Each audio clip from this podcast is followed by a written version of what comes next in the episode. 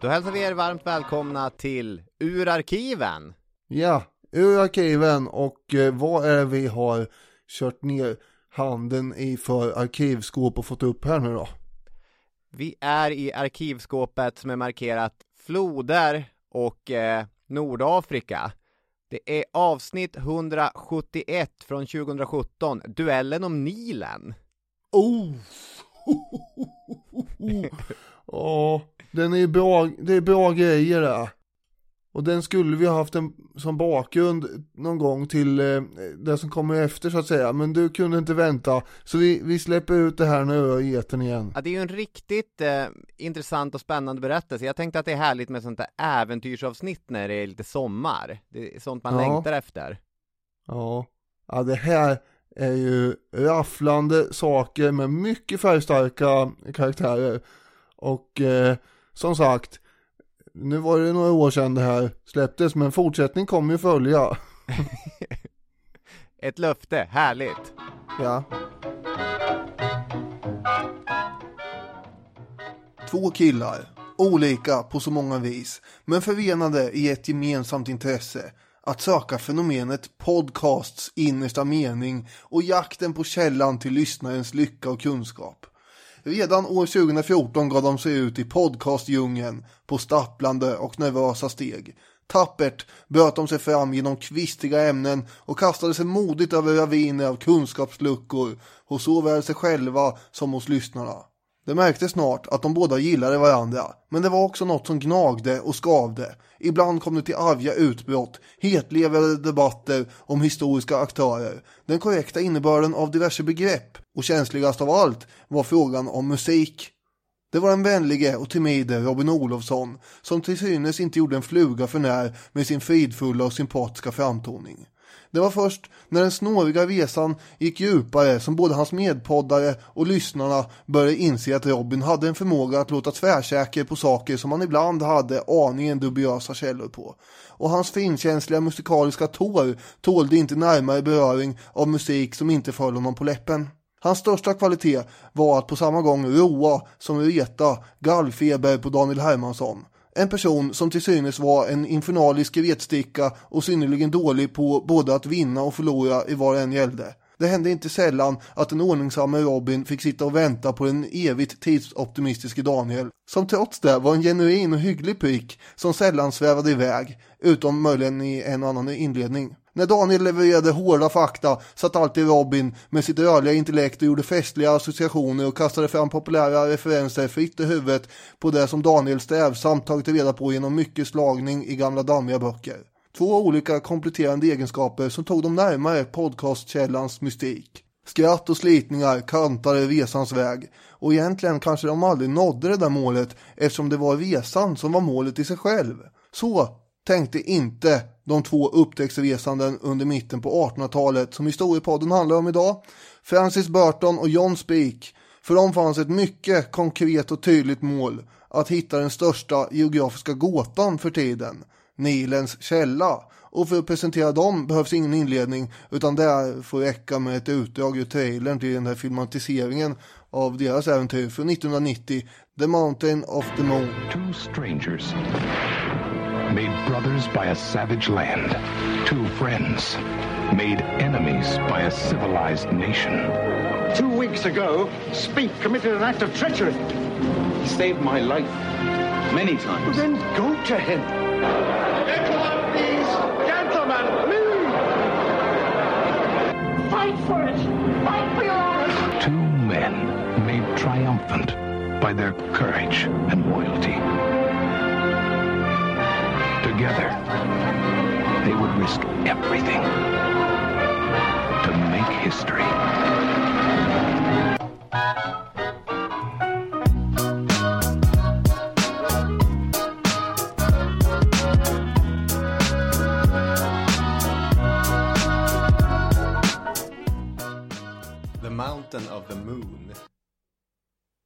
En annan sak som Daniel innerligt störde sig på var Robins ständiga rättningar och korrigeringar av det han sa. Jag tänkte ge dig en chans till att ta om det engelska uttalet. Ja, vad fan sa jag? The Mountains of the Moon. Ja, mycket bättre. Just. Ja. Hej på er och varmt välkomna till ett eh, härligt avsnitt av Historiepodden. Ja, välkomna. Ja, det är ju intressant. Ska vi börja avsnitt med att blottlägga våra innersta styrkor och svagheter?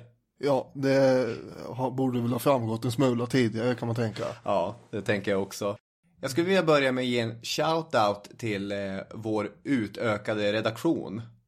Alla eh, kollegor och lyssnare och människor som hör av sig med tips. Den, eh, vi är ju eh, som ett stort kollektiv som tillsammans. Jag och du kanske är de som drar det här men vi får ju hjälp från så många människor. En ny kille på skolan, en elev alltså. Som, jag vet inte vad han heter, jag vet inte vilken klass, jo han går i någon naturklass. Men han brukar haffa mig i korridorerna och fråga Vad ska nästa avsnitt handla om? Ja, Han är väldigt intresserad av det och så berättade jag lite grann om vad jag höll på att läsa om. Och då droppade han, det här är alltså en 16-årig grabb, bara rakt av. Ja, men det är ju som Jules Vernes debutroman. ja. Fem veckor i en ballong. Jag har inte läst Fem veckor jag läste lite annat Jules Verne när jag var i unga tonåren. Men den handlar om Dr. Samuel Ferguson som tillsammans med hans kompis, jägaren Richard Dick Kennedy, ger sig iväg på en resa genom Afrika i en luftballong för att hitta Nilens källa. Jaha ja. Ja, där ser man apropå referenser. Låter det bekant? Det är Jules Verne som populariserar saker som hade hänt. Det här är ju publicerat på 1860-talet. Vi kommer till vad det är för referenser Solvärn egentligen har. Men vi kanske ska ge lite bakgrund före vi kommer in på våra två aktörer.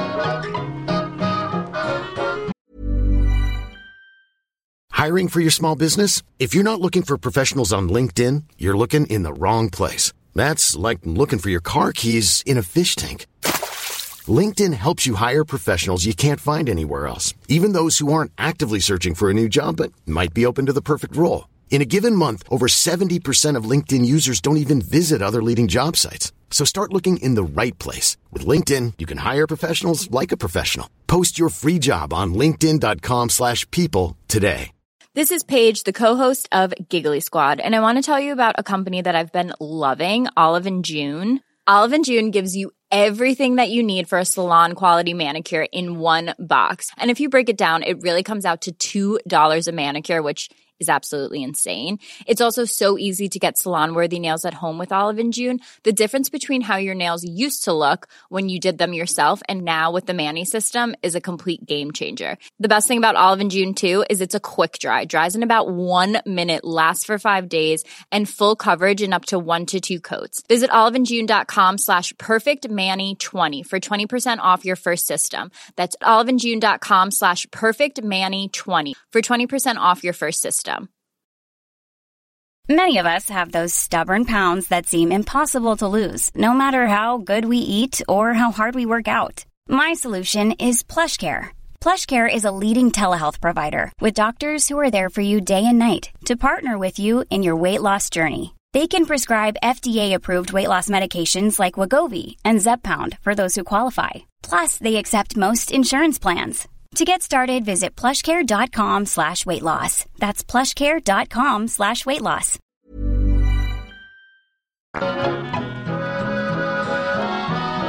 Det ska vi väl göra. Och då handlar det ju om Afrika och Nilen, floden. Européerna överhuvudtaget hade ju väldigt ogärna gett sig in i det inre av Afrika under väldigt lång tid. Eh, däremot så höll man ju på i kanterna mycket Ja, och eh, upprättade olika eh, små kolonier och sådär. ja. Martin Dugard som har skrivit Mot Afrikas hjärta, en eh, biografi som egentligen handlar om Henry Morton Stanley och eh, David Livingstone. Men som också behandlar det vi ska prata om idag. Jag tycker han berättar en ganska intressant anekdot som på något sätt sätter fingret på hur läskig västerlänningarna tyckte att centrala Afrika är. Och då kommer det från antiken och det kommer från den kartagiska upptäckaren Hanno seglaren. Som han är ute och, och upptäcker, ute och seglar och kastar ankar vid ekvatorn på Afrikas västkust. Ja, Och så beger man sig in i landet. Och man, man hör mycket obehagligt, man ska ha hört trummor, man ska ha hört massa sådana grejer. Och så sen träffar man den läskigaste människan man har stött på i hela sitt liv. jättestor. Han är enorm. Och han har spelande muskler. Och han bara vrålar. Och vassa tänder har han också. Och svart päls. Ja, Från topp till tå. usch. Vad är det här för en fruktansvärd människa? Det är en riktig gorilla det här. Ja, tolkarna kallar det för det. Ja, Och där har vi det ju. För det var ju vad det var. ja det är en apa de har stött på. Ja, för så tolkar man det inte. Nej, Tydligen. precis. Och den här berättelsen kommer översättas sen till grekiska och traderas vidare i medelhavsvärlden och århundraden efter fortfarande vara känd. Nu är det inte den som gör att människor inte vill in i centrala Afrika, det är väl mycket sjukdomar framför allt. Men det kan få stå som någon sorts symbol för den okunnighet och den, den rädsla den exotism man tillskrev centrala Afrika. Ja, Nilen är ju det som egentligen ger upphov till alla de här egyptiska storslagna magnifika rikena och sådär. Just alla faraoner och den torkar aldrig ut egentligen. Den svämmar till och med över emellanåt. Just det, och i det rika slemmet kan vi odla våra grödor. Och inga bifloder att prata om. Märkligt. som man kände till. Vad är det egentligen som fyller på det här vattnet börjar folk tänka. Mm. Det var inte heller några eh, väldigt omfattande regn som kunde åstadkomma det vad man visste. Nej, just det. Så alltså har människor ända sedan antiken då förundrats över var kommer det här vattnet ifrån egentligen? Vad är källan? Ja. Och då har vi eh, vår hjälte. Är han vår Ja hjälte? men det får, får man väl säga. Ja, han är ju den, den... Utan honom hade vi inte suttit här. Nej, så är det. Herodotos. Ja, och vi har ju pratat om honom ganska mycket här nu Ja. eh, tidigare. Men det är ju eh, han som då betraktas som historieskrivningens fader. Och år 460 så ger sig han in eh, personligen för att leta efter den här källan. Men efter ungefär 100 mils tuffande längs Nilen där så kommer han till de här eh, oöverstigliga vattenfallen som kallas för första katarakten. Det är bara forsar ner en massa vit skum där och efter det så är det en väldigt tät djungel. Och då tänkte Herodotos att nej, någon måtta får det vara på mina bidrag till vetandet här. Nu vänder jag hem och sen så eh, åkte han tillbaka mot kusten och skrev om annat. Han satte sig inte i en tunna som man gjorde i Niagarafallen förr och bara, nu åker jag ner i en tunna. Nej, alltså han var ju, de kom ju ner. Ja, okej. Så att- Just det. Han eh, vågar sig dock på en liten hypotes när jag bläddrade igenom Herodotos bok om Egypten. Och då sluter han sig till tidigare kända fakta. Han går till Donau, eller Istros som han kallar den. När jag sluter mig av kända förhållanden till okända så förmodar jag att den ända från sin upprinnelse har samma proportioner som Istros. Ty floden Istros, som rinner upp hos kelterna och vid staden Pyrene, rinner genom hela Europa. Men kelterna bor bortom Herakles stoder och är grannar till kynesierna, vilka av alla Europas invånare bor längst åt väster. När så Istros flutit genom hela Europa utmynnar den i Svarta havet, där nybyggare från Miletos anlagt Istria. Istros flyter genom bebyggt land och dess lopp är därför känt av många. Men om Nilens källor vet ingen att berätta, ty Libyen, genom vilket den flyter, är obebott och öde. Han menar att antagligen så ser den ut precis som Donau. Ja, varför inte? Därför att han, det, han tror mycket på symmetri. Och att om en sak funkar på ett sätt funkar säkert den andra på samma sätt också. Ja, Alltså det är inte helt ologiskt. Nej, nej. Det behöver inte stämma för den sakens skull, men. Nej. Men om man tittar på eh, astronomiska fenomen och hur planeter rör sig och sådär. Så finns det ju en Absolut. symmetri. Och eh, Gud vet att eh, Herodotos gjorde ett bättre arbete än vad jag hade gjort under antiken med att kartlägga floder. Det tror jag vi kan slå fast faktiskt. Apropå kartlägga. Ja, Så eh, är det ju så att om Herodotos är historieskrivningens fader så måste Claudius Ptolemaos eh, betraktas som kartografins fader. Och eh, han var också en samlare av fakta eh, som han sen då skapade eh, sina kartor utifrån och han spekulerade också en hel del utifrån det han hörde.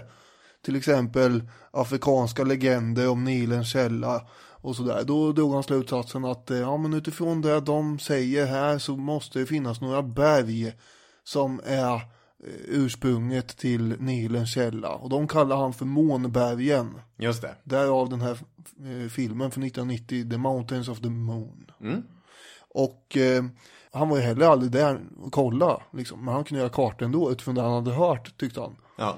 Nu fanns det ju de som tyckte att det här var rena larvet förstås. Att det skulle finnas berg med snö runt ekvatorn eller långt där nere i det här klimatet. Det är väl helt ofatt. Hur går det till? Nej, det är ju supervarmt där, det kan jag inte tänka mig. Nej, det kunde inte hans kritiker heller. Men de orkar inte heller åka dit och kolla. Så äh, egentligen visste ju ingen någonting om det här. Och sen rullar ju tiden på helt enkelt. Mm. Sen så kommer vi väl egentligen in i slutet på 1700-talet och tidigt 1800-tal när britterna är fullt upptagna med att anlägga sitt imperium. Och dessutom kommer de då, eller såklart kommer de då få fäste i Nordafrika. Mm. Och helt plötsligt börjar det bli intressant. Hur ser det ut här egentligen? Ja, det bör man ju fundera på då ja. Men alltså det är ju väldigt många expeditioner mellan 1798 och 1856. Mm. Eh, där en massa människor eh, anstränger sig för att ta reda på det här. Nilens källa brukar beskrivas då som att det här är den heliga graalen för upptäcktsresande under den här perioden. Ja, Framförallt för britterna då. ja det är många, många av dem är ju britter och de flesta är brittiska män men också några kvinnor. Och många dog av sjukdomar, andra dör av vilda djur eller fientliga stammar och sådär. Mm, precis. ger upp och vänder hem och eh, det har man gemensamt att alla misslyckas. Montesquieu, den här filosofen, han skrev ju på 1700-talet att eh, det inte var människor förunnat att se Nilen då den bara var en rännil vid sin källa. Det vill säga väldigt lite som sprutade upp någonstans i, ur bergen. Just något, det. Om det nu fanns några berg. Han hade många strängar på sin lyra, Montesquieu. Ja men det här tyckte han att det var ingen anledning att hålla på och gräva i det med. Nej, jag har fullt upp med klimatlära och maktdelning. Ja, Kan inte bekymra mig om Nilens källa, den är bara en rännil. Man var ju i väldigt stor utsträckning helt ovetandes om hur regionen i centrala Afrika eh, såg ut. Man tänkte sig att det, den präglas säkert av en enorm öken. Och det finns ju stora ökenlandskap. Men det finns ganska mycket annat också. Den stora upptäcktsresanden från 1840 till 1860-talet är ju David Livingstone. Och i den ena expeditionen efter den andra så, så visar det sig att det finns enorma skogstrakter, regnskogar, berg, all annan tänkbar geografi. Det bor ett tjugotal miljoner människor i små byar, i stora byar. Sammankopplade genom en löpare som springer i stafett fram och tillbaka, den så kallade djungeltelegrafen. Det finns människor som stretar med jorden, tillverkar vapen av metall, väver korgar, brygger öl, dricker kaffe. Fint att sitta och dricka öl och kaffe där. ja jävlar det är ju fina grejer. Ja, så, Du fastnar för. ja det tänkte jag också. Eh, Man, man bryggde tydligen öl av, av banan ibland också. Spännande. Fruktig öl. Det här är ju då en period när man från europeiskt håll lär sig väldigt mycket om den afrikanska geografin. Ja. Samtidigt som det pågår det där koloniala projektet. Och Storbritannien är ju vid den här tiden då världens största imperium. Och det finns inga människor som är mer eh, bekymrade eller funderar mer över det här eh, saken med Nilens källa än de som är medlemmar i Royal Geographic Society. Nej, de, det var deras grej. Det kan man säga att det var, bland annat, eller mest. Ja. Eh, Kungliga Geografiska Sällskapet. Det finns ju många sådana här sällskap Just det. i England på den här tiden. Och kanske fortfarande, även om de inte är riktigt lika mycket i ropet. kanske. Nej, men de är väldigt viktiga inom engelsk vetenskap, de olika sällskapen. Eftersom de delar ut priser och stipendier och, och håller säkert jättebra möten fortfarande också. Det är de säkert. Mm. Det- Det är väl inte riktigt lika mycket på tapeten i, hos var och varannan människa som det väl kanske var då i och för sig. Nej, kanske inte. Sällskapets ledare och grundare var en herre som hette Sir Roderick Murchison. Mhm. Och han eh, var ju en väldigt passionerad geograf och ville veta mer om allt. Kunde inte få nog Nej. av geografi. Så var det. Och eh, hans eh, höga börd gjorde ju honom till en eh, respektabel herre som kunde bland annat övertyga den här David Livingstone om att han skulle ge sig ut på diverse nya projekt här och där. Mm. Eftersom man hade eh, den här klassfrågan, man eh, såg ju alltid upp till dem eh, som eh, Murchison. Han var ju en sör. Ja, ja, det är ju adel för tusan. Han konstaterade att i avsaknad av adekvat fakta har vi inte rätt att med allt för stor säkerhet spekulera över källans belägenhet. Men han hade ju då snöat in på, apropå snöa in på de här månbergen. Som Ptolemaios hade skrivit om. Och han eh, ville ju då eh, fastslå den exakta platsen för de här bergen. Om man kunde göra det och den som kunde göra det eh, skulle med rätta anses höra hemma bland de största välgörarna under denna geografiska vetenskapens tidsålder. Förkunnar han också. Stora ord. Ja, men eh, här har han ju då öppnat upp för att det här ska vi ta reda på. Ja. Frågan är bara vilka. ja. Ska vi introducera några personer? Det gör vi.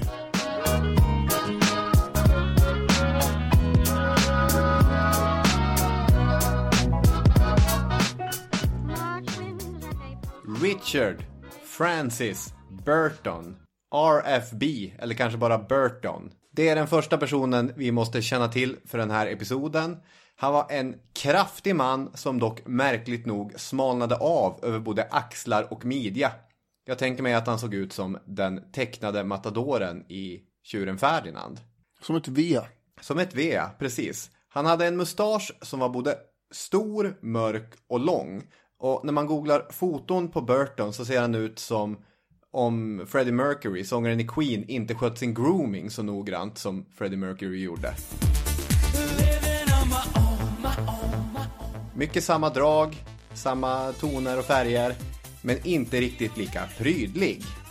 Strax nedanför vänster öga så hade han ett långt och djupt R som slutade någonstans nedanför kindbenet. Det kanske vi får anledning att återkomma till. Ja.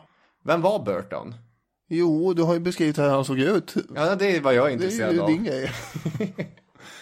han, han vurmar ju väldigt mycket för den arabiska kulturen. Just och det. den var ju väldigt välbekant med också. Han eh, var väl någon form av tidig antropolog kan man säga som gjorde väldigt detaljrika beskrivningar av olika främmande folk och så. Ja. Får jag fälla in då att förordet i min utgåva av Herodotos historia kallar Herodotos den första antropologen. Ja, det är ju mycket tidigare där. Så att då har vi också antropologins fader, eventuellt. ja, ja, det kanske man då ska utnämna Herodotos som mer än, eh, än Burton då faktiskt. Så han gick också i Herodotos fotspår, precis som vi gör. Ja, ja det får man ju säga då. Han, men han, eh, du särskilt går ju kanske i Burtons fotspår också då. Eh, och då tänker jag inte på alla saker han hade för sig. Utan jag tänker mest på att han var språkvetare och lingvist. Ja, fast enligt vissa då källor så påstås det att Burton talade begripligt ett 30-tal olika språk. Ja, Det tycker jag låter väldigt högt. Jag klar... nej, jag... du kan, klarar inte det, det fattar väl jag med. men det, jag har varit i Italien med dig. Du, Ja, jag hade så bra självförtroende efter att man har lärt sig beställa någorlunda på italienska och ta in notan och liknande. Sen ska man prata med en taxichaffis som inte kan ett ord engelska. det var bland det roligaste jag sett. Ja, det Särskilt som gick vi inte bra. Tidigare hade diskuterat förmågan att göra sig förstådd med folk som inte kunde engelska. Bara, "Det går bra. Ja, du var ju väldigt säker på det. Sen en halvtimme senare kommer upp en kille som inte kan ett ord engelska. Och ska du börja, bara ja, det blir teckenspråk och till slut börjar han skratta också och det blir, ja. Och du börjar googla så här också, vad ska man säga, hur uttalas det? Ja, det där var riktigt, riktigt kaosigt. Ja, du är ingen Burton i alla fall. Nej. Men Francis Burton var som sagt intresserad av eh, andra eh, människor ute i världen och han var också väldigt tolerant och öppensinnad och sådär. Ja, det var han. mot kulturer och så. Han ansträngde sig mycket för att interagera med dem och lära sig deras seder och så. Han hade blivit utkastad ur den brittiska armén efter misstankar om homosexuella aktiviteter hade kommit upp till ytan. Det här ska ha varit efter ett uppdrag då han skulle undersöka homosexuella bordeller i en region av det brittiska Indien. Han var ju en exotiskt lagd man som tyckte om det sensuella och eh, ja, men, en sak han är känd för är att han var den första som översatte eh, Kamasutran till engelska. Ja, Och han ska ha frekventerat olika bordeller och liknande också. det var väldigt utsvävande sexliv och användning av droger och alkohol till höger och vänster. Och eh, den där rapporten han skrev om de här eh, eh, homosexuella bordellerna eh, var väldigt eh, ingående och eh, så nitisk att det råkade framkomma att en annan officerskollega också besökte etablissemanget och det gjorde inte honom särskilt populär. Nej, just det. Det kan ju vara värt att poängtera. Han, som du var inne på, han hade ju en väldigt tät kontakt med den arabiska världen och både genom sin förståelse av religionen och sin mycket goda förståelse av språket. Utöver att han tyckte mycket om klädkoden Och han tyckte om att röra sig i de trakterna överhuvudtaget innebar ju att han rörde sig mycket bekvämt i miljöer där många britter nog hade svårt att hävda sig. Ja, eftersom till exempel Mecka Mm. är ju förbjudet för icke-muslimer. Men eftersom han är mörkhårig och eh, pratar arabiska flytande så kommer han ju ta sig in i, i Mecka. Kul trivia om Burton också var att det var han som populariserade ordet safari som han hade plockat upp från swahili när han skrev sina böcker. Ja, och en annan bok eh, på samma linje som eh, det här med Kamasutra som han översatte var ju Tusen och natt. Mm, okej. Han, han väljer ju, han gör sina val vad är han vill läsa och översätta. Eh, Det fanns ju förstås en och annan viktoriansk eh, nobel människa som tyckte att det här var fullständigt förskräckligt. Kan Ja. man ju tänka sig. Just det, för det är väl bra att du poängterar det. Därför att allt som händer här är ju mot en fond av det viktorianska England. Och då ska vi då slänga in hans parhäst här. Just det. John Hanning Speak. Just det. Hur ser han ut då? Han hade en stil som otvunget skulle kunna översättas till Stockholms gatumode för kanske två år sedan. Då han på ett elegant sätt förenade den brittiska jaktstilen, du vet med tweed och ylle. Brunt och grönt. Var det här inne för två år sedan? Ja men det är, många sprang omkring i såna där äh, kläder. Det gör väl vissa fortfarande nu men man tänker att folk såg ut som de var på väg till rävjakt varenda jäkla dag. Samtidigt så hade han ett vackert och långt brunt skägg. Ja, det här låter ju också som att... Som då är mer någon sorts eh, nidbilden över Södermalmshipster. Och en väldigt fin liten sidbena som han kammade tillbaka. Det är sånt som du har här. Ja, fast med mycket högre vikar än vad jag har. Mm. Små pliriga bruna ögon och samma sunda relation till sin mamma som Ed Gain, mannen som inspirerade till Norman Bates i Psycho. Ja, där ser man. Han tyckte om att jaga, det var hans grej. Man kan säga att det var hans grej. En väldig passion för att jaga och, och egentligen inte så mycket annat. Eh, Men han var ju en väldigt övergivig och modig herre. Ja. Däremot hade han ju inte något överdrivet eh, socialt kompetent anlag. Nej. Det var inte hans grej. Han var en ensamvarg, tystlåten och försiktig. Eh, men han var ju väldigt brittisk till sättet. Han var hårt arbetande och pålitlig och han slösade inte bort sin tid eller skuldsatte sig.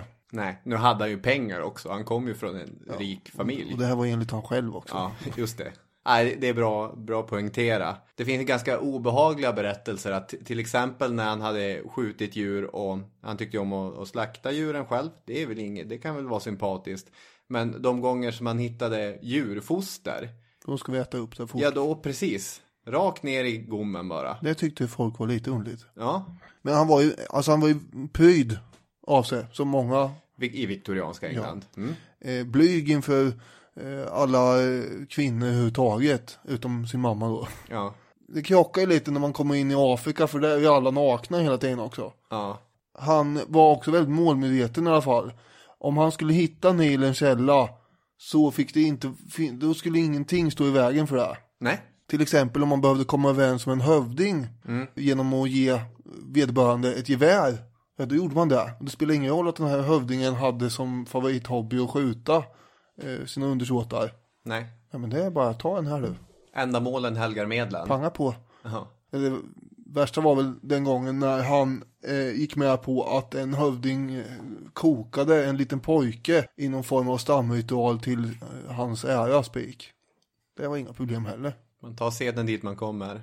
Ja, så att eh, det, When det, in Rome. det finns ju en del eh, sådana där grejer som han fick kritik för förstås. Han var väldigt målmedveten men samtidigt så tänkte han ju att man kan gott förena nytta med nöje och när man söker i Nilen så kan man ju jaga också. Det är ju ändå mitt stora intresse. För det var ju en sån tanke att man kan eh, fixa storvilt samtidigt som man är ute på upptäcktsresan. Och han, han slår mig lite grann som, har du läst Tintin i Kongo?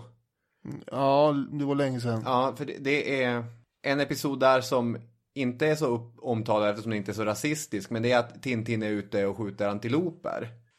Och så pang, pang, pang. Men han missar hela tiden för det är alltid samma antilop som kommer upp och Tintin bara vad fasen är det här för konstig antilop? Och så sen så är då skämtet att helt plötsligt ser man 40 antiloper i en hög. Och han har skjutit nya antiloper hela tiden men det har han inte fattat. Ja, just det. Så på det sättet tänker jag att Spik var Lite grann. Ja, Vi går vidare. Där fick du in en, eh, det var en snygg, ytterligare en snygg populär kulturell referens. Vi går vidare och det kan vi göra genom att till exempel lyssna på eh, ett klipp från en dokumentär som eh, Michael Asher, en modern nutida form av äventyrare, eh, är med i och uttalar sig om både Burton och Speak. Vi börjar med vad han säger om Burton som uppenbarligen är hans stora favorit. Burton's always been very much my hero to the extent that I've named my own son Burton after him. And to me, Richard Burton has always been the ideal of the all round man. He was not only a man of action, he was also a man of intellect, a poet, a man who could speak 30 languages, the author of 43 books. Certainly one of the greatest men of his age. Ja, det var vad han sa om Burton där. Han är ett fan. Det kan man säga när man eh, döper sin eh, son efter en 1800-tals upptäckare. Ja. ja, det är väl finaste hyllningen man kan komma och tänka på. Hur var kände han inför Spik då? I've always regarded Speak as a snake in the grass. After all, Richard Burton gave him his big chance to take part in this groundbreaking expedition, the first penetration of the interior of Africa by Westerners. Ja, det var inte lika, så att säga, hyllande. Nej. Ormar i gräset. Så att eh, man kan väl konstatera att det finns olika, det finns olika uppfattningar av de här två. En del tar parti för, för Burton och en del eh, framhäver istället Speak Ja, som eh, ordningsamma rättesnöret. precis. För när man skriver biografier om dem, det är ju skrivits fullt med biografier om de två tillsammans, men också om de två separat. Och många av biografisterna verkar verkligen känna för den person de skriver för. Och det som den ena tycker är antikrist kan den andra tycka är den bästa människan som har levt någon gång. Ja, något åt det hållet. Men båda två eh, kan man väl ändå, om man säger så här som Martin de Graad skriver, eh, att de är ett slags personlighetstyper som samhället hyllar som ideal på bekvämt avstånd, men som inger olust på nära håll. Och då menar jag dåtida samhället, eller han förmodligen menar dåtida samhällets ideal. Precis. De hade ju växt upp båda två med väldigt omhändertagande mödrar men totalt ointresserade fäder. Och båda hade ju ganska djupa komplex på olika sätt kan man tänka sig.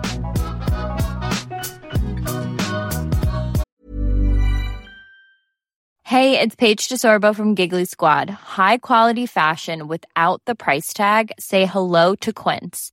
I'm snagging high-end essentials like cozy cashmere sweaters, sleek leather jackets, fine jewelry, and so much more. With Quince being 50 to 80% less than similar brands. And they partner with factories that prioritize safe, ethical, and responsible manufacturing. I love that. Luxury quality within reach. Go to quince.com slash style to get free shipping and 365 day returns on your next order.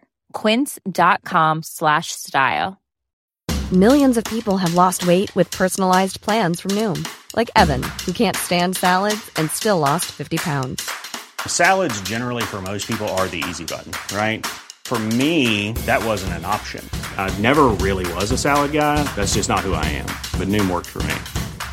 Get your personalized plan today at Noom.com. Real Noom user compensated to provide their story. In four weeks, the typical Noom user can expect to lose one to two pounds per week. Individual results may vary. I'm Sandra, and I'm just the professional your small business was looking for. But you didn't hire me because you didn't use LinkedIn jobs. LinkedIn has professionals you can't find anywhere else, including those who aren't actively looking for a new job but might be open to the perfect role, like me. In a given month, over 70% of LinkedIn users don't visit other leading job sites. So if you're not looking on LinkedIn, you'll miss out on great candidates like Sandra. Start hiring professionals like a professional. Post your free job on linkedin.com/people slash people today.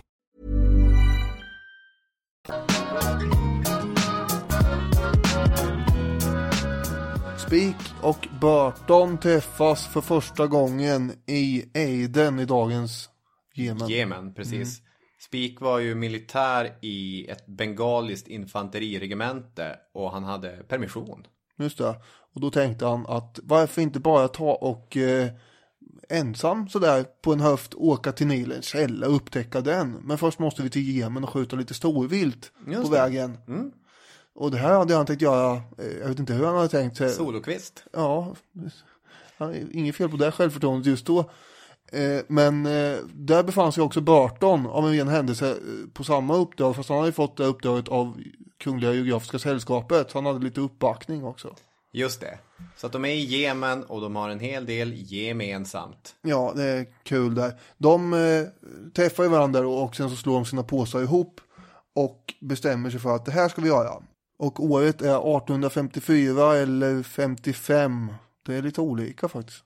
Ja. Som kommer fram där. Det kan ju vara när de introducerade det första, eh, satte igång den första expeditionen. Mm. Eh, och sen när den pågick, det är ju beroende på hur man räknar. Just det. Och de har en ganska briljant idé. Att istället för att göra som till exempel Herodotos, börja i Egypten och bara vandra längs med Nilen. Det har folk gjort, det kan vi. Då är det bättre att genskjuta Nilen så att säga. Det kan man spara in 300 mil på. Att man ska, man ska gå i land en bit in och gå rakt in i landet. Ja. Och Jemen är ju bara på andra sidan där. Det är bara att ta ett skepp över så är man i, i Somalia. Ja, eh, och på den här resan så de har ju förstås värvat en uppsättning bärare och sådär för att det behöver man alltid folk som gör. Och sen är det två andra brittiska löjtnanter med också. Eh, och de börjar den här resan och slutar den i Somaliland. Berbera heter den platsen där de har slagit upp sina tält. Just det, på en strand där vid den somaliska kusten. Precis. De har en karavan på 42 man ju. Mm. Och jag försökte hitta ett ord för att beskriva hur framgångsrik den här första expeditionen blev. Vilket ord skulle jag välja? Och jag landade i Det gick Per Elofsson åker tre mil mot Johan Myhlegg dåligt. Och Per har släppt alltså en, två, tre, fyra, fem, sex stycken till framför sig. Och han har det tungt där nere, Elofsson. Han har det tungt. Han är ju nästan minuten efter Myhlegg. Får man mjölksyra och gått för länge då finns det ingen återvändo. Nu släpper han Vitås förbi sig också. Ja, ja det är bra, det är bra. Det är bra. Jag, jag ser det framför mig. Ja. Jag, jag fick precis upp bilden i huvudet där när han håller på att kämpa sig upp stackaren. Men eh, ungefär så dåligt gick det här ja. Eller Jörgen Brink dåligt. Nei, hva er dette for noe? Hva er det som har har skjedd? Han stivna! Totalt! Vi er i teten! Norge leder! Har dere sett? Stafett er stafett, må jeg si det flere ganger. Vi leder foran Tyskland og Sverige. Jeg har sagt det flere ganger, det er noe helt annet for Brink å gå tempo. Han så fin ut, men nå var det slutt. Har du sett parkerte helt? Han stivner fullstendig i bakken opp på 3,7 der, Ja, det var ille, det var ille. Det var ille å se på. Ja, just det. Det var en till. Ja, det är bara far en massa skidreferenser här. Det är lite svårt för dem som inte är. Men eh, ja, det gick väldigt dåligt i alla fall. Till exempel, det finns ju en massa folk runt omkring här. Mhm. Eh, Ett av dem eh, kallas för det penisskärande folket. Så här gäller det att sätta ut vakter runt lägret så att inte de kommer in i lägret liksom. Ja, det är Habr Aval-klanen för somalisk eh, bakgrund.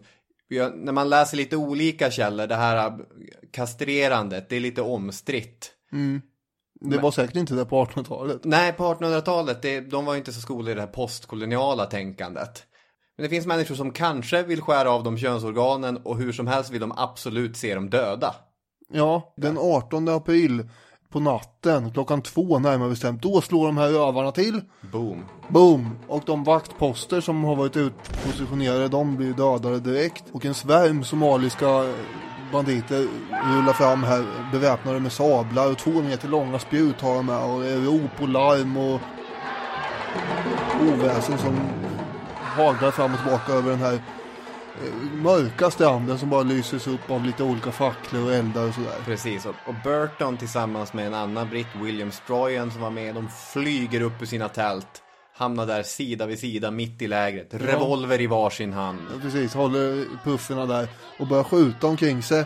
Och eh, de överlevande karavanen de springer ut i nattens mörker för att rädda sig själva här. Under tiden sitter Spik i sitt tält någonstans en bit längre bort och eh, sover. Goda. Nej, Ja, sover. Han är... han kommer inte ut i alla fall för att i efterhand så menar han på att han tänkte att de här skotten som hörs en massa skjutande överallt det är väl bara några vakter som är lite oroliga. Det är inget att oroa sig för. Nej. Riktigt oroligt blir det ju när de här krigarna börjar riva tälten och använder dem som en typ av fångstnät. Ja. Jag kommer att tänka på sådana här upplevelser när man sover på en festivalcamping. Och det kommer fem, sex personer som är riktigt, riktigt packade. och ska gena över tältområdet och börja riva tält och klampa över. Och, eller, det, är, det blir riktigt obehagligt om de dessutom skulle ha spjut med sig Det är det och här hålla på du- och sticka. Det är det här du är bra på. och dra de här referenserna. Ja, men så att folk ska fatta hur det känns. Går det till så här på eh, festivalen i Urkult?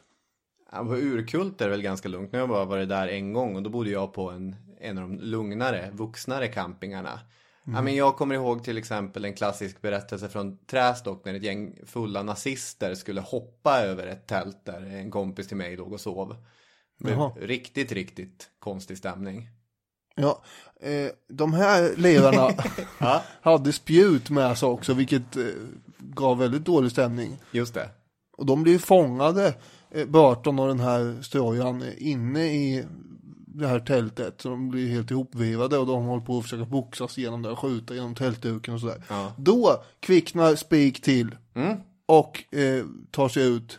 Bara, "Jaha, vad händer här då? Eh, och eh, så får han se allt stå hej. Och under tiden så har kulorna tagit slut för Burtons kompis där. Och han försöker använda revolverna som någon slags eh, klubbor istället. Men han övermannas och hackas ju ihjäl. Ja. Och Martin de Gard skriver så här. Spik började slå sig fram genom en svärm av somalier för att rädda Burton.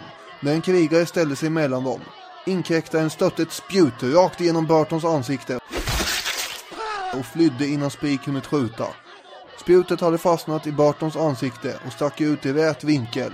Han hade fått flera tänder utslagna och blodet strömmade ur munnen och de båda kinderna.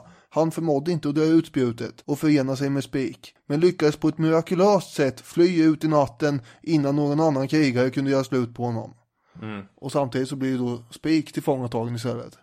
Men de dödar inte honom, utan de binder fast honom eh, och sen så kör de två spjut genom låren på honom för de ska ta och plundra läget först. Som håller på att tortera honom eller göra honom inkapabel till att delta. Ja. På något- på någon slags superhjälteaktigt sätt så lyckas han ändå ta sig loss Precis. och eh, släpa sig själv en halv mil bort till ett brittiskt fartyg som ligger lite längre bort. Och där står Burton med ett spjut genom hela ansiktet Ja. och väntar tillsammans med eh, den andra löjtnanten som också var där. Ja, det är verkligen helt vansinnig berättelse där. Jag är ganska ambivalent till Burton och Speak som personer, men man måste ändå säga att fortsätta med någon sorts upptäcktsresande business efter en sån här erfarenhet, det är ju, De ger inte upp i första taget här. nej, idoga, envisa människor. Men det här är ju en typ av människor som inte riktigt platsar i civiliserade städer. Deras förmågor ligger ju inte riktigt där utan de behöver, behöver ju ta sig ut till en massa olika platser och göra sin grej. Mm. I efterspelet till den här attacken så skriver Burton massa brev till de britterna som finns på plats i, i Aden. Och där säger han bland annat att eh, de brittiska officerarna visade otroligt mod. Medan han fördömer sina afrikanska vakter som the vilest cowardice. Otroligt fega.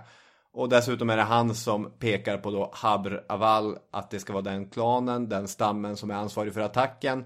Och kräver att de medlemmarna plus medlemmar från två andra klaner should at once be expelled from Aden with orders never to return until compensation be made and the murderers delivered. Då har han räknat ut att de är skyldiga honom exakt 1390 pund och 4 shilling.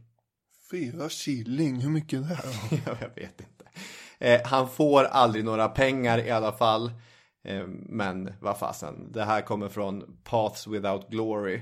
Eh, Burton and Speak in Africa av eh, James Newman som har skrivit om den här episoden.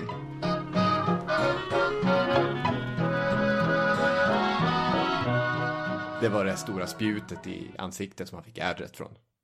Just det. Det kanske någon hade listat ut redan. Ja, vi har smarta lyssnare. Det såret läks emellertid efterhand. Mm. Tillsammans får man förmoda med de psykiska såren. Mm. Istället så slängs både Speak och Burton ut i Storbritanniens eh, krig, Krimkriget. Roger Fenton, Florence Nightingale. Första avsnitt av Historiepodden. Precis, där har vi det. Det var de första stapplande nervösa stegen i podcastdjungeln där. Ja, just det, verkligen. Det, var det... Vilket, ungefär lika bra som du gjorde för, för Burton och Spik Precis. i Somaliland. Ja. Eh, ja, eh, hur som helst, det kriget tar ju slut i alla fall 1856 Ja. och då är det dags för nya äventyrliga expeditioner. Äntligen på väg. Nu ska vi hitta Nilens källa en gång för alla här. Mm. Och Kungliga Geografiska Sällskapet skickar ut Burton igen. Eh, och eh, han tar förstås med sig Spik tillsammans med 36 bärare och 30 packdjur. Just det. Den här gången är inga andra brittiska eh, personer med. Nej, det är alltså en mindre expedition den här gången. Mm. Somaliland är inte längre särskilt lockande Nej. att börja på och därför så beger sig då eh, den här expeditionen till ön Zanzibar och Mm. det kommer ju sen bli språngbräda för eh, resten av 1800-talets olika expeditioner in i Afrika. Ja, det var en klassisk grej att börja i Zanzibar, skaffa material där och sen ge sig vidare. Zanzibar var ju också gonorrens förlovade land. Om man får parafrasera Burton och han om någon borde veta. Ja, han undersökte säkert saken eh, på alla möjliga sätt. Mm. Den väg som expeditionen skulle ta sig fram genom här består ju då av väldigt täta djungelskogar, det är savanner, träskmarker och allt möjligt. Men de här två som då leder expeditionen, de är till synes och också i verkligheten egentligen då väldigt omaka. Som vi varit inne på här så går ju Burton omkring i sina arabiska kläder och Spik har sina engelska jaktkläder och sådär. Med sin breda filthatt och sitt stora skägg. Ja, och Spik tyckte väldigt illa om att Burton klädde sig i den arabiska stilen också. Ja, det gjorde Fastän vi är ju stolta britter. Hur ser det här ut? Den väg de ska ta sig fram på, den är ju inte otrampad. Utan det har ju förekommit de senaste decennierna en väldig trafik där ifrån arabiska slavhandlare som har letat sina varor inom citationstecken. Så de eh, har ju gått där innan. Ja, så är det. Nu ska den här lilla expeditionen ge sig in eh, då med sin omfattande utrustning och packning. Det är navigationsutrustning, möbler, vep, mängder av dolkar och pistoler och det är mat och konjak och allt möjligt. Eh, och framför allt det som vi säkert återkommer till i andra avsnitt om liknande äventyrare. Jaså, vadå? Eh, Man behöver ha stora balar av glaspärlor och tyger och, och sånt, ståltråd och prylar för att köpa sig rätt att passera olika territorium Just det. från eh, diverse hövdingar. Man har ju också med på den här resan en av berättelsens mer otroliga aktörer, Mubarak Bombay, som var en afrikansk man som blivit tillfångatagen av en arabisk slavhandlare när han var en pojke, sålts vidare och flyttat med sin herre till Bombay. Där hade hans ägare dött, varpå han blev frigiven och tog värvning som soldat, då var han i sena 20, eh, i sultanen av Zanzibars armé. Och det är på det sättet som Spik och Burton stöter på honom. Och det här är, Burton kan ju alla språk i världen, men Spik kan ju också prata hindu eftersom han har varit i, i den här bengaliska eh, regementet. Och Bombay som han kallas, han kommer visa sig vara en riktig, riktig tillgång för expeditioner. Inte nog med att han bär hur mycket som helst, han insisterar på dessutom bära två stycken gevär. Han kan språk, han är en riktigt bra guide. Så att i flera expeditioner som följer även efter det här så blir han en typ av seal of quality. Har du med dig Bombay på din resa, då visar det sig att det här, då betyder att den här expeditionen, den har det lilla extra. Ja, han startar en ny karriär kan man säga här. Mm. Och på det sättet kommer han in i historieböckerna som man kanske inte hade gjort i eh, sultanens anställningsavtal. Nej. Dessutom har de ju väldigt kul, eller de tycker han är härlig att han säger Jag gör inte det här för er skull, jag gör det för min mages skull. Ja, det är ju ärligt. Cash is king. Expeditionen eh, tar sig fram ungefär mindre än en mil om dagen ju. Mm. Och man jobbar ju så rutinmässigt att efter frukost, ja då byter man läget och sen masar man sig framåt. Man måste ta en liten siesta mitt på dagen för all hetta. Ja. Och sen jobbar man på igen framåt eftermiddagen. Till det att solen går ner och det är dags för ett nytt läger. Och eh, under tiden som de här bärarna då dansar eller sitter och pratar runt lägerelden. Då sitter alltid Burton på sitt håll och gör geografiska anteckningar och observationer i sin dagbok. Det här tyckte ju Spik var väldigt egentligen tråkigt att han höll på så mycket med sina efterforskningar. Det kan man tycka är rimligt eftersom det var det expeditionen gick ut på. Men Spik tycker att han borde vara med och jaga. Finns mer. djur att skjuta. Ja, finns djur och, och knäppa här.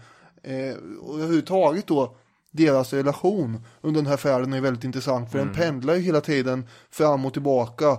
Men jag skulle säga att likt ett börsindex på något sätt så eh, tickar den på uppåt ändå och blir bättre och bättre även fast det blir eh, diverse eh, groll kan man säga. Sen kommer det ett börsras vartefter som vi kommer till. Men, men annars så går det uppåt. Eftersom de var de ändå två britterna så delar de också på något sätt egentligen då ansvaret för expeditionen även om det är Burton som officiellt är ledare för den. Mm.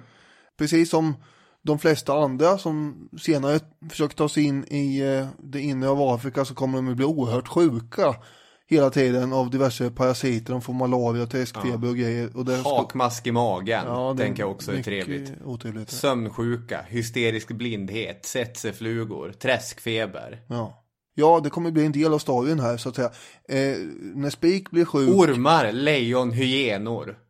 Ja, Mycket obehagligt här. så är det. Ja, Får jag fortsätta? ja, såklart. Spik blir sjuk och när han blir sjuk då börjar han hallucinera och får aggressiva utbrott. Och eh, det blir till och med nödvändigt att ta ifrån honom hans gevär och sådär. Kan han inte ha gillat. Burton resonerar ju i sin dagbok om att det här var kanske Spiks sanna karaktär egentligen. Som kom fram under sjukdomen. Och han menar på att han kunde inte skilja på fakta och fiction. Just det. Det är intressant att han säger det med tanke på att han blir själv sjuk sen och tycks sig se häxor träda fram ur sitt eget bröst. Ja. Så han hallucinerar ju med. Men det var tydligen, det hade ingenting med verkligheten att göra. Att, eh, ja, nej, Nej. Vi, ska, det, vi ska inte jämföra äpplen och päron här. Nej, varje fall är ju unikt. Mm. Ja, de behöver ju varandra i de här ogästvänliga trakterna. Eller man säga.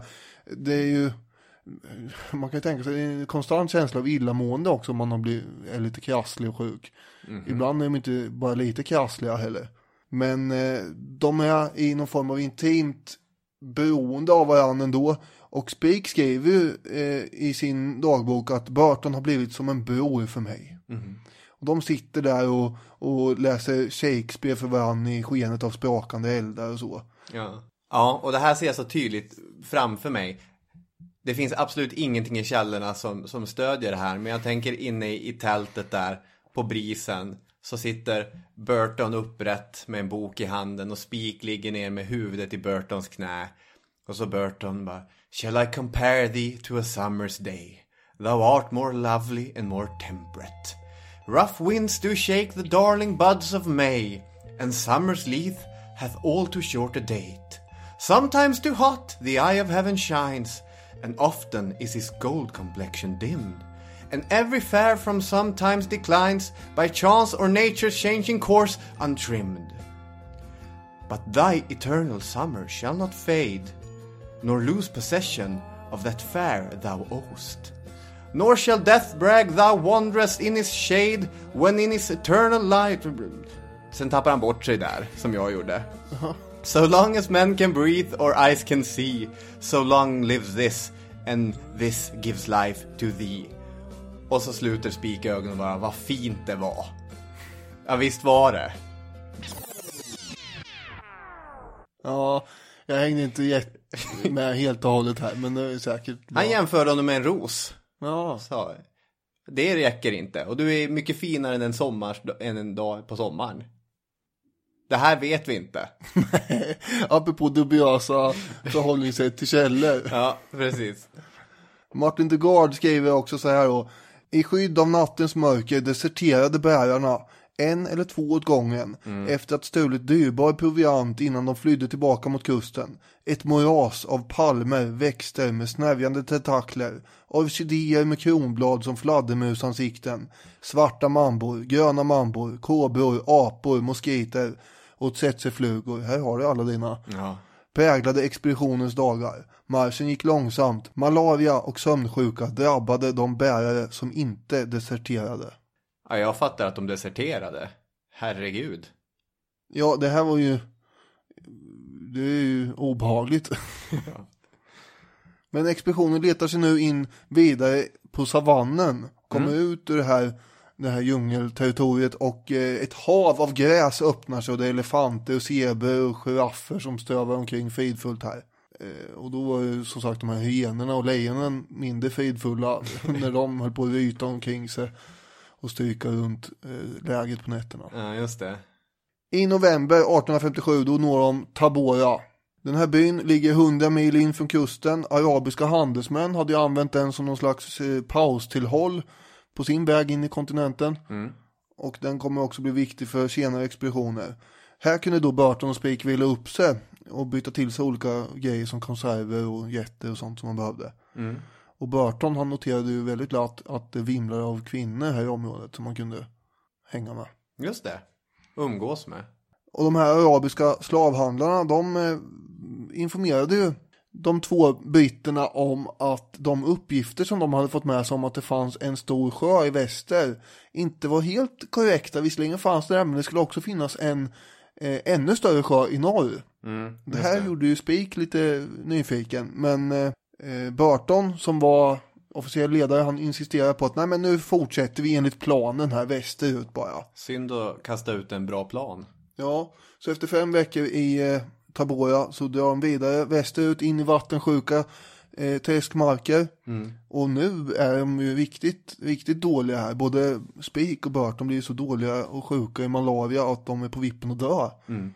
De kan inte ens gå själva utan de blir temporärt blinda här. Mm. Och bärs fram yrande eh, på bårar eh, av sina bärare. Och eh, i februari 1857 så når de fram till Tanganyika-sjön som ligger där smaragdgrön och de är de första européerna som kommer dit överhuvudtaget. Helt säkert Nilens källa. Klart och betart. Tackar. Tackar, tackar. Det var ungefär så de tänkte jag. Ja.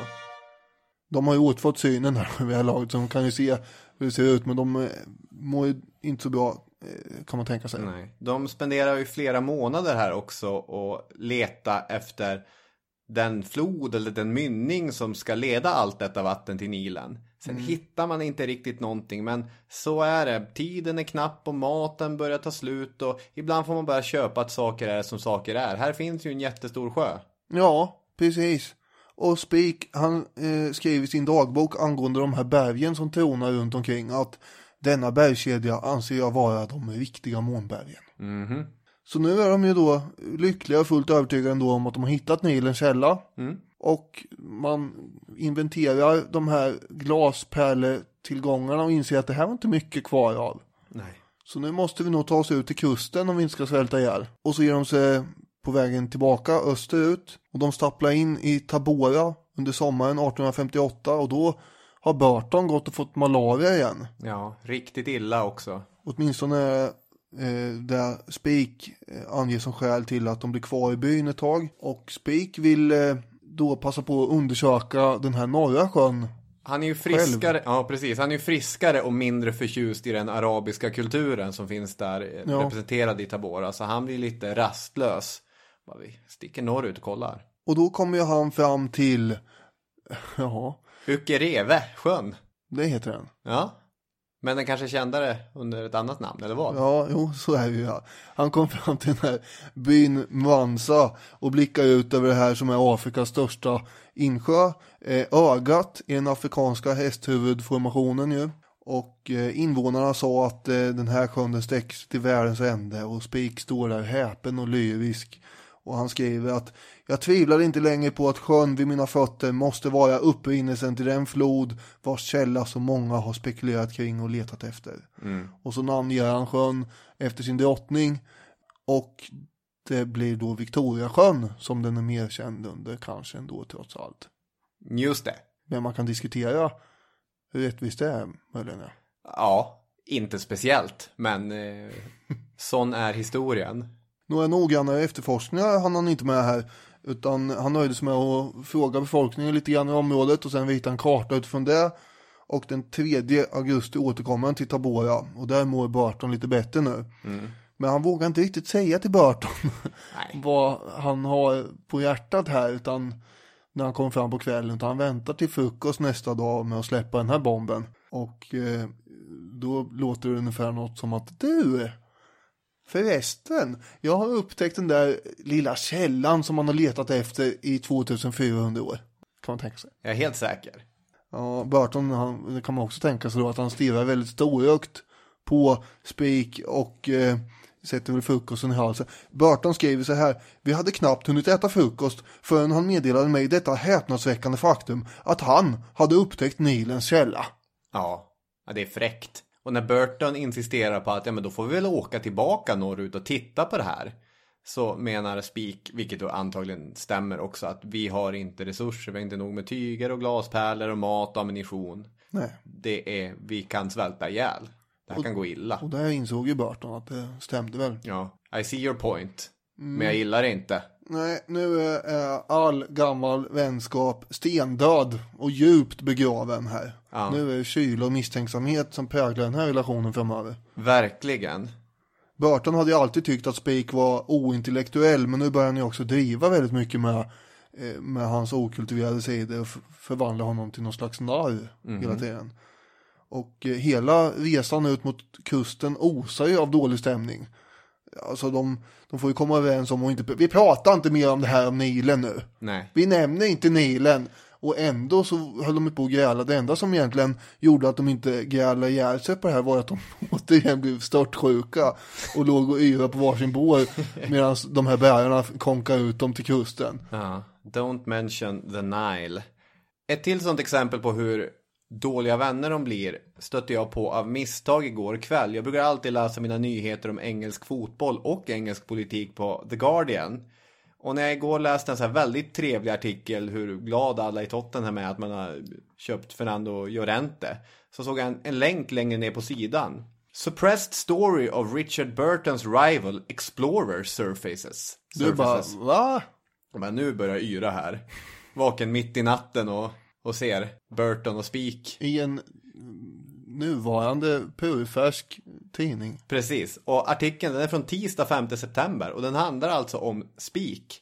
För själva grejen är att National Library of Scotland nu äger ett flertal av vad man totalt har räknat ut är 12 special editions av Speaks eh, biografi, självbiografi som han kommer skriva sen.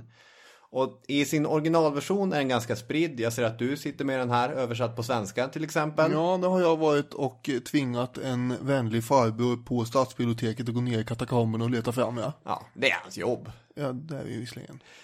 Men den eh, upplagan har inte det kapitlet som de här 12 speciella upplagorna, eller som de här 12 speciella versionerna hade. Han gav en special edition till de släktingar han tyckte bäst om.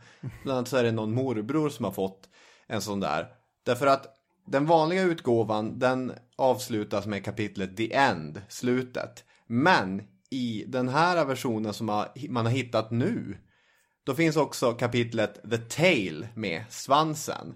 Och svansen ska man då tolka som en sorts metafor eller symbol. Det är som svansen på en skorpion.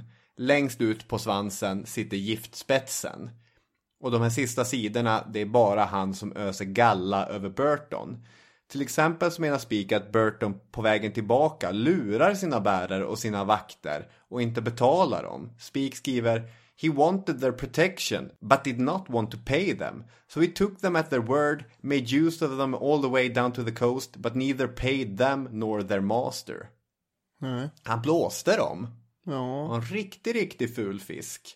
Så att de inte är vänner, varken här eller sen när man kommer tillbaka. Nej, de hade gjort en deal innan de lämnade Afrika eh, och det var ju att de inte skulle presentera de här fynden från expeditionen var och en för sig utan det skulle de göra gemensamt till det geografiska sällskapet. Just det. Men de stod ju inte ut en sekund till med varandra så därför tar de varsitt fartyg.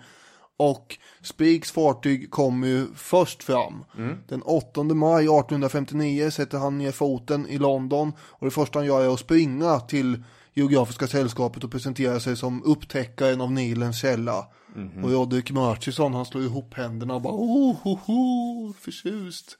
Boom shakalak. Ja tack. Och han vill då utrusta en ny expedition och säger den ska du leda Spik. Problemet var att han inte hade några bevis visserligen, eh, men nu skulle han då ner och fixa det. Två veckor senare kommer Burton till England och då Precis. surrar ju hela landet av den här nyheten att Spik har upptäckt eh, Nilens källa. Ja, varje kartografisk förening, varje vetenskapligt samfund, varje mystiskt möte, varje publika pub och, och så vidare och så vidare. På var mans läppar pratas det om Spik, mannen som har hittat Nilens källa. Eh, det här irriterar ju Burton, Mhm. om man uttrycker sig Ja. milt. Eh, Så han skriver ju då böcker och tidningsartiklar som går ut på att förminska Spik. Eh, Så då kan man ju tänka sig att den här som du, som har kommit fram nyligen här, Mm. att det inte var helt oprovocerat. Nej. Till exempel så skriver ju Burton att han var en inkompetent geograf, den här Spik, och han eh, kännetecknas av illvilja, feghet och avundsjuka. Och genom hela den här boken som Burton skrev så kallar han ju Spik aldrig vid namn utan han är bara min kompanjon. Eh, lite nedsättande sätt. Han, han framställs som en fumlig fjant mer eller mindre som ramlar över sin åsna och trampar på navigeringsinstrument och inte begriper ett dugg av lokalbefolkningen och sådär. Mhm. Och sen så pratar han hela tiden om den här ögonsjukdomen som Spik hade. Eh, som måste ha gjort det omöjligt att se någonting och därför kan han inte gjort några vettiga observationer. Nej. Och för övrigt så menar han ju till och med på att som en sista gardering i den här boken att vårt uppdrag var egentligen inte att hitta Nilens källa ändå. Vad var deras uppdrag Ja men då? det var ju att åka dit och kolla lite på andra grejer. Han skriver så här, varenda upptäcktsresande nu för tiden sägs ju ha gett sig iväg för att söka Nilens källor. Och när han kommer hem utan att ha funnit dem så betraktas hans expedition oavsett resultatet som ett fiasko. Det blir en väldigt infekterad vetenskaplig debatt här nu som rasar i England i fem år. Och man diskuterar det här på både universitet och pubbar som du var inne på. Eh, Och sådana där små saker som att det pågår inbördeskrig i Amerika eller annat eh, ointressant som händer utanför Englands gränser är ju inte alls jämförbart med drabbningen mellan de här två väldigt spektakulära figurerna. Nej, just det. Det är obegripligt man bläddrar tillbaka och ser gamla tidningar i, i efterhand. Mm. Varför var folk så upprörda över ett, att ett bibliotek flyttade Tintin när det pågick krig i världen? Ja, det kan man ju fundera över. Varför det pågår ett jättestort inbördeskrig i Och här sitter- vår forna koloni. Och här sitter vi och bråkar om två snubbar som menar att den här sjön är det. Nej då, det är den här sjön. Livet i en ankdamm. Livet i en ankdamm. Spik mådde ju uppenbarligen inte bra av den här konflikten. Han, han skickade eh, ett eh, försoningsbrev till Burton innan han skulle åka iväg på sin nya Afrikaexpedition. 62, 1862. Ja, men Burton avvisade honom bryskt och sa att nej, vi ska inte vara några vänner här inte. Vi kanske kan vara artiga mot varandra, Just det. men De är ju brittiska gentlemän. inget trots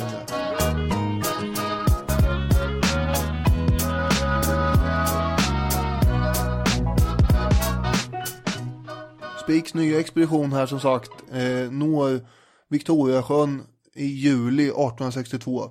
Och eh, då är han ju där för att leta efter den här floden som borde löpa ut ur norra Victoriasjön. Och hittar ju den faktiskt också. Och han följer den i 500 mil norrut. Och därmed anser han att saken är löst. Bra, nu har jag ju åkt längs den här. Hela vägen upp till Kautum. Mm. Hur det nu uttalas. Och därifrån telegraferar han vidare att eh, jo, nu är det klart här. Finns ingen anledning att åka vidare. Det här är Nilens eh, utlopp. Och eh, Burton däremot han anser att det är fortfarande så att det saknas bevis för det här. Även om Victoriasjön har ett nordligt utlopp så kan det vara så att den i sin tur är förbunden med Tanganyikasjön vilket skulle göra den till, Nile, till Nilens källa då. Mm. För eh, Spik hade inte undersökt det, han hade inte åkt runt hela sjön och kollat efter andra eh, liksom ihopknytningar. Slarv. Ja, det är ju lite mäckigt också att hålla på och tuffa runt en hel sån där stor sjö, mer eller mindre själv. Ja. Forskarvärlden och allmänheten var ju kluven inför det här. Eh, och vad som krävdes var att de skulle åka dit tillsammans egentligen och, och genomföra någon form av observation på det här. Men det var ju inte aktuellt verkar det som. Och då blir enda lösningen på den här frågan en rejäl vetenskaplig debatt. Det är så bra lösning. Ja, och därför arrangerade då Geografiska sällskapet tillsammans med något som heter British Association for the Advancement of Science en sån debatt. Just det, The BA. Här har jag googlat. Grundat 1831 och fortfarande aktivt om än under ett kortare namn nu för tiden. Ja, Jättestor vetenskapligt samfund. härligt. Ja! Bra jobbat där och hänga i. Eh, den här debatten ska gå av stapeln den 16 september 1864. Och kanske skulle den största av alla upptäckare närvara som någon slags eh, moderator eller Så. Det dyker ju alltid upp rykten på den här typen av tillställningar. Som ung tonåring när jag åkte på hårdrockskonserter så dök det alltid upp sådana här rykten. Ja, men vi var såg ett tyskt power metal band på Fryshuset en gång när jag var typ 13 bast. Och då började man prata om att Bruce Dickinson från Iron Maiden kommer komma ikväll. Alltså. Ska sjunga tillsammans. Oj, fasen vad häftigt. Dök han upp? Ja, han dök inte upp. Och på samma sätt tisslades det och tasslades som att Livingstone kommer. David Livingstone kommer. Han kommer komma hit, jag vet det. Och få, är det sant? Här gäller det att köpa biljetter. Ja. För Speak och Burton är ju sig själva väldigt kända och eh, uppmärksammade. Men om Livingstone också är med på samma scen. Alltså det här är ju så in, in, in i bomben. Nervkittlande tanke tycker alla. Ja. Att de här tre rockstjärnorna skulle vara på samma scen. Beatles, Stones och Elvis. Ja, och se dem stå där och kasta spetsfundiga geografiska argument på varandra och listiga tjuvknep. Det är för stort. Så att inte ens ett riktigt fruktansvärt sydengelskt oväder i Bath, där de ska träffas, tror att det är södra England, är inte det så be om ursäkt till alla som bor i Bath. Men det är 2000 människor där, det är knökfullt. Man Ja. får panga rutor och hålla på för att få in luft i lokalen. Ja. Tidningarna har ju gått in i någon form av total hysteri här nu. De håsar ju upp det här maximalt och trumpetar ut att eh, det är duellen om Nilen som ska avgöras och det, det, alla är ju orimligt, får man säga nästan, taggade inför det här. Och dagen före den här duellen så har arrangörer och eh, de två debattörerna samlats i den här lokalen för att lyssna på Murchisons generalrepetition Mm. på sitt eh, öppningsanförande. Han måste ju må, må här nu, alltså det är så mycket uppmärksamhet kring Ja, Geografiska gud. sällskapet. Snacka om det. Det smakar fågel för honom det här. Ja, inte lika mycket för de två debattörerna kanske på sätt och vis eftersom det var första gången de träffade varandra på flera år. Stelt. Sen Afrika, det här är stelt ja. Och eh, Burton har ju till slut eh, lyckats hitta en fru också som man kan tänka sig vara monogam med uppenbarligen. Mm. Och hon är med eh, på det här, hon heter Isabelle och hon skrev i sin dagbok om det här mötet angående Speak då. Han såg på Richard och mig och vi såg på honom. Jag ska aldrig glömma hans ansikte. Det var fyllt av sorg, av längtan och av förvirring. Men sedan såg det ut som om han förvandlades till sten. Efter en stund började han skruva på sig och utbrast halvhögt. Åh, jag står inte ut längre. I can't take it anymore. Han reste sig för att gå därifrån. En man som satt närmast honom sa Ursäkta mig, men tänker ni använda stolen mer? Blir den ledig? Kommer ni tillbaka? Varvid han svarade Det hoppas jag inte att jag gör.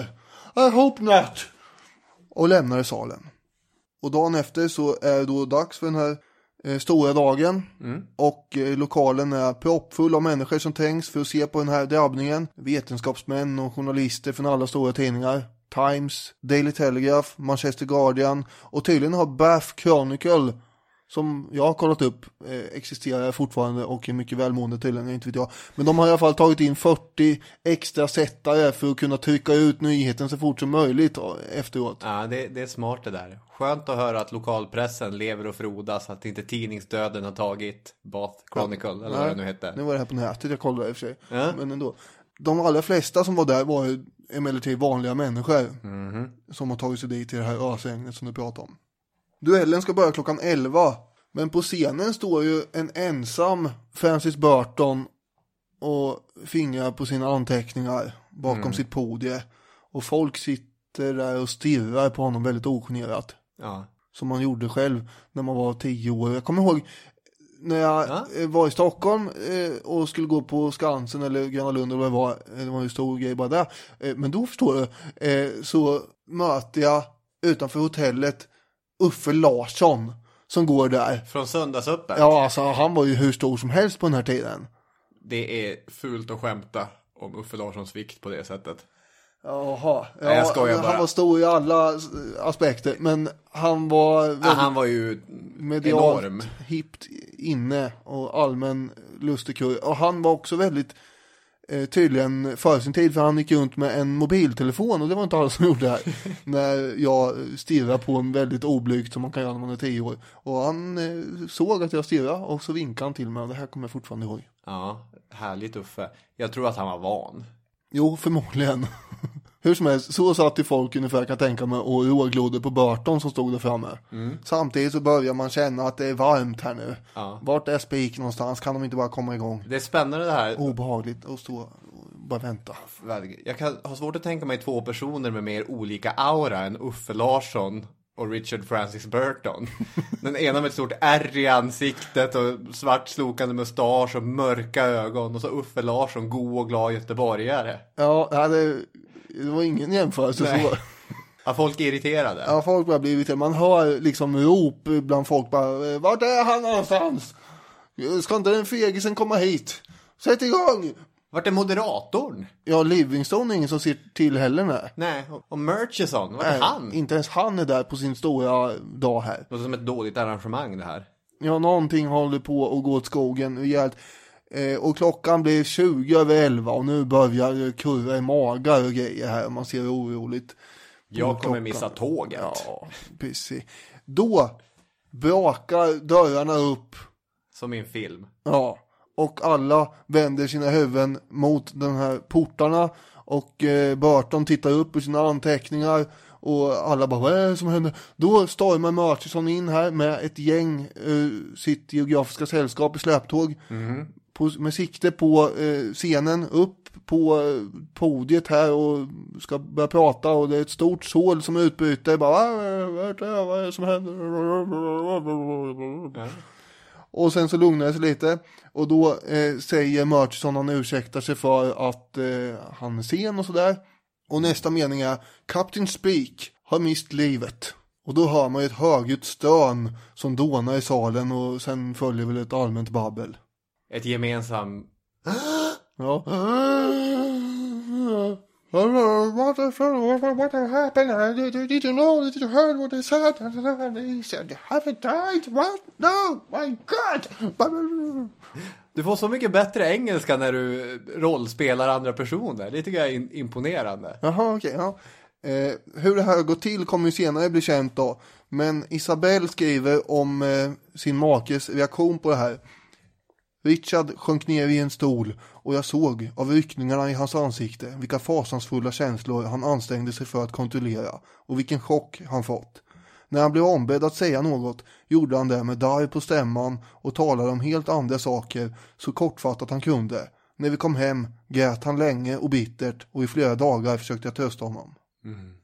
Spik hade ju åkt eh, ut dagen innan efter det här, den här generalrepetitionen till någon polare och skulle jaga. Och sen hade han ställt jaktgeväret på en mur och eh, på något mirakulöst sätt lyckats skjuta sig själv i hjärtat. Mm. Eh, han dog inte omgående utan det tog tio minuter av blödande elände och sådär. Mm. Och naturligtvis så spekulerar och resonerar alla kring att det här var ett självmord. Men tidningarna använder aldrig ordet. Men det är väl ganska sannolikt. Ja, där är ju också, där tvistar de lärde. För när man läser Dugard, han är ju tämligen övertygad om att det är ett självmord. Men till exempel Alexander Maitland som har skrivit en stor biografi om Spik menar att det inte alls är ett självmord, det är en jaktolycka. Så sen, det här jag läste bara en artikel som refererar, jag fattar inte riktigt, det ska vara en intrikat jaktolycka helt enkelt. Så att det finns, det är inte absolut fastställt att det var ett självmord, men det är väl mycket som Nej. pekar mot det. Ja, den här Michael Asher som eh, den här dokumentären i jakten på Vita Nilens källa. Mm. Som jag bland annat har sett. Han eh, som var Burton-fantasten. Mhm. Han eh, har ju då eh, i den här dokumentären själv följt i de här upptäcktsresandenas fotspår. Och eftersom han blev ifrågasatt av, av eh, folk runt omkring en där så börjar han förstå Spik mer och mer. Att eh, Spik kände sig eh, undanskuffad och sådär. Och för övrigt han tar ju med sig sin son också som då heter Burton på de här strapatserna inne i Afrika. Mm. Eh, och så. Men han resonerar ju kring att eh, Spik var orolig för att han skulle bli offentligt förödmjukad av Burtons argument här. För egentligen hade han ju inte några tydliga bevis för sina påståenden. Och han skulle inte stå ut med den här förödmjukelsen och nedgörandet av honom. Nej. Och så kan det ju ha varit, eh, förstås. Ja. Det slutar i moll det här. Ja, ja. Eh, 20 år senare så erkänner ju Burton att eh, Spik eh, förmodligen hade rätt utifrån det som man visste då. Mm.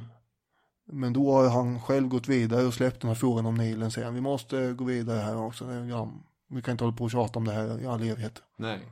Man lär väl säga att Nilens källa tyck... Hur ska jag formulera det här? Det...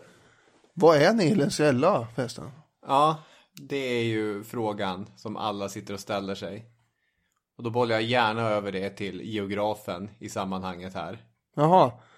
Ja, jag skulle säga att det är Victoriasjön. Men så enkelt är ju inte riktigt svaret ändå. För det är ju eh, den Nilen som rinner ut i Medelhavet är ju väldigt mycket större än vad den är när den har utloppet ifrån Victoriasjön. Utan den får ju eh, tillflöde från en annan eh, flod också som heter Blåa Nilen. Som kommer från Etiopien-området. Så att det finns lite olika ursprung på eh, det vi tänker på som Nilen. Men visst kommer en stor del av den från Victoriasjön. Mm. Apropå David Livingstone så tillkännager han 1865 att han på uppmaning av sällskapet ska åka iväg på ytterligare en expedition för att försöka bekräfta Speaks påståenden om Victoriasjön och Nilens källa. Mm. Men mina vänner, det är en annan historia. Ja, det är en annan historia. Som- Oj, oj, oj. Den dagen vi ska berätta den historien. med Stanley och Livingstone och så. Ja. Det blir en drabbning. Det blir en drabbning. Jag måste ladda lite inför det. Ja, precis. Sätt batterierna på laddning. Jag tycker det här har varit en eh, väldigt eh, spännande historia med. Mm. Som vi nu har tagit i mål. Ja. Och därmed så vill vi tacka för att ni har lyssnat. Vi tackar så mycket såklart och kommentera gärna avsnittet. Gå in på Facebook och skriv en kommentar. Och fortsätt lyssna så syns och hörs och ses, mest hörs, vi igen nästa söndag. Ha en bra vecka. Hej! Hej hej! Paradise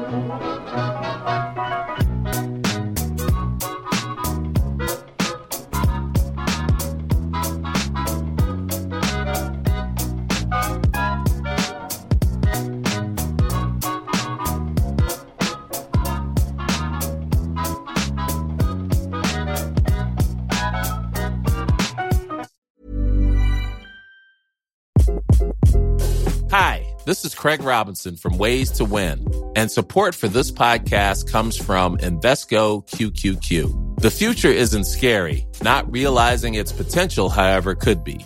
Just like on the recruiting trail, I've seen potential come in many forms as a coach. Learn more at Invesco.com slash QQQ. Let's rethink possibility. Invesco Distributors, Inc.